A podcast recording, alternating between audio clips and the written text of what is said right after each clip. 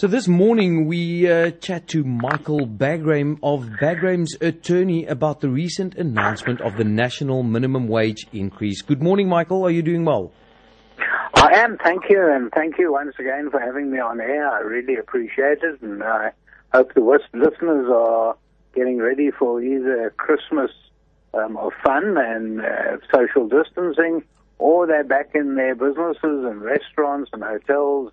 Um, so let's make it let's make it a fun time for everyone. Yeah, a fun, a fun time within the restrictions. Correct.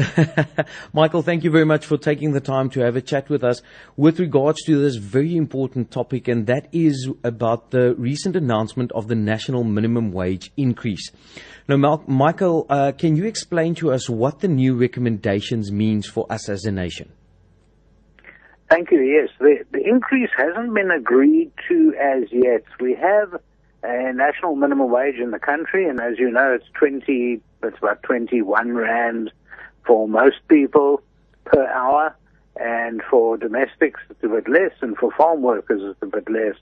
And what they've done, we've got a national minimum wage commission, uh, mm-hmm. which is a group of uh, learned people, a few professors um, of law and sociology and economists, and they sit together and they've put out a report.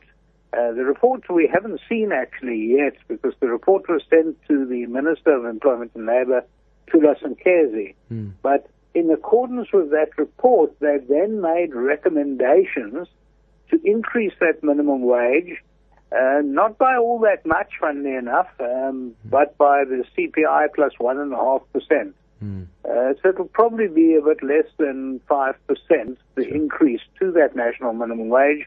Uh, one of the important things about the recommendation, because the public are still able to comment, and I know that the trade unions are commenting, and we have until the 20th of December. There's not much time, mm. but we have until the 20th of December to send in comments. If anyone wants to know the email address, they can email me. I'll give out my email at the end of this discussion. Yes, please. Uh, but people should actually comment on it, and I'll tell you why. What they're trying to do is to bring parity to the domestic workers mm-hmm. um, within two years and to the farm workers within one year. In other words, quite a massive increase for farm workers and domestic workers. It could even translate to about 20%. Sure. During that time. Now, you'll recall when the minimum wage was first introduced, hundreds, literally hundreds and thousands of farm workers lost their jobs. Mm. We had many, many domestic workers lose their jobs.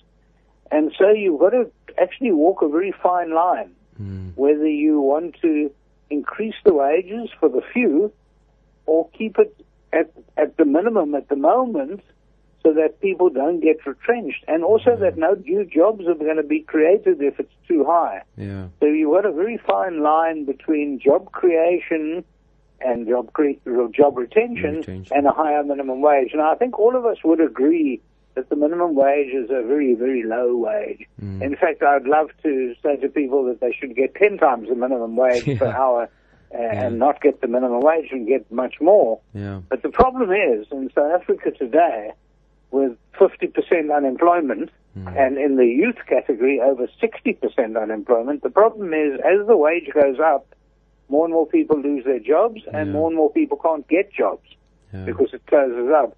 And we've seen from a recent report that has been done last week, in fact, by FinFind, that 42.7% of small businesses closed down sure. over this uh, impact report on the COVID 19. Yeah. So uh, that's almost 50% of small businesses closing down. Yeah.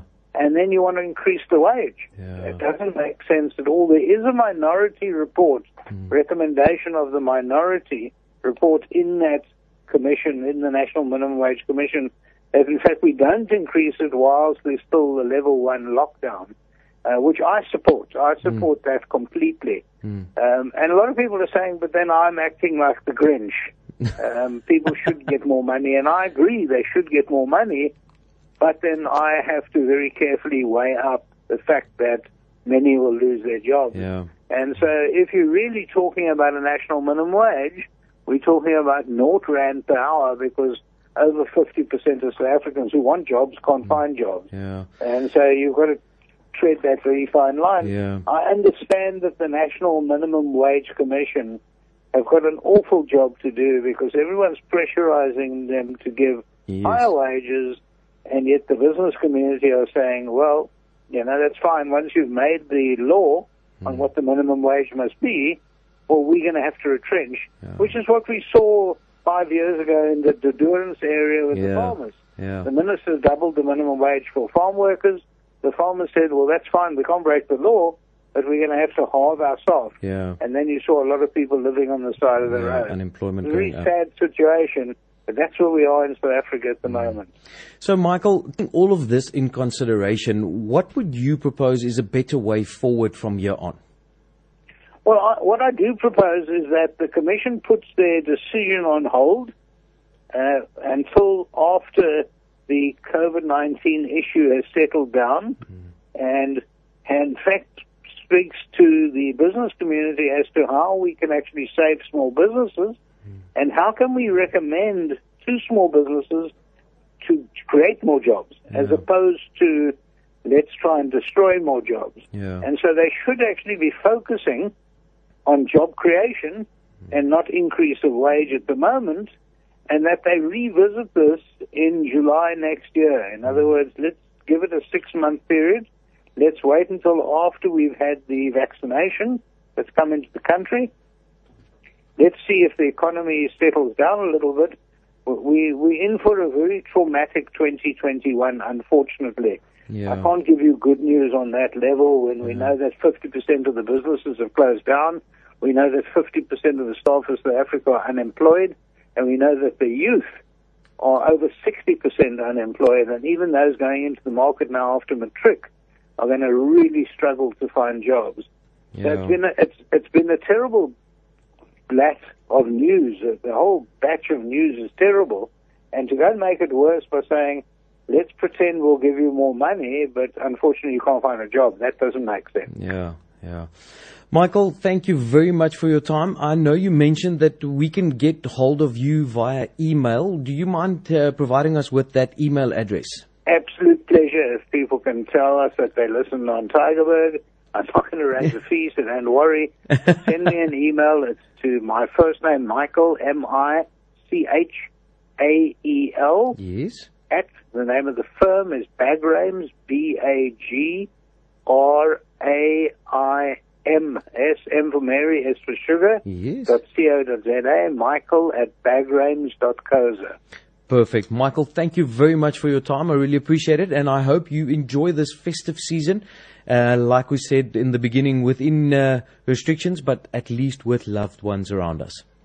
Thank you from my family to everyone's family listening. Keep safe, keep well, and have a bit of fun. There we go. you. Thank you, Michael, for your time. Appreciate it. Bye. Keep well. Bye bye.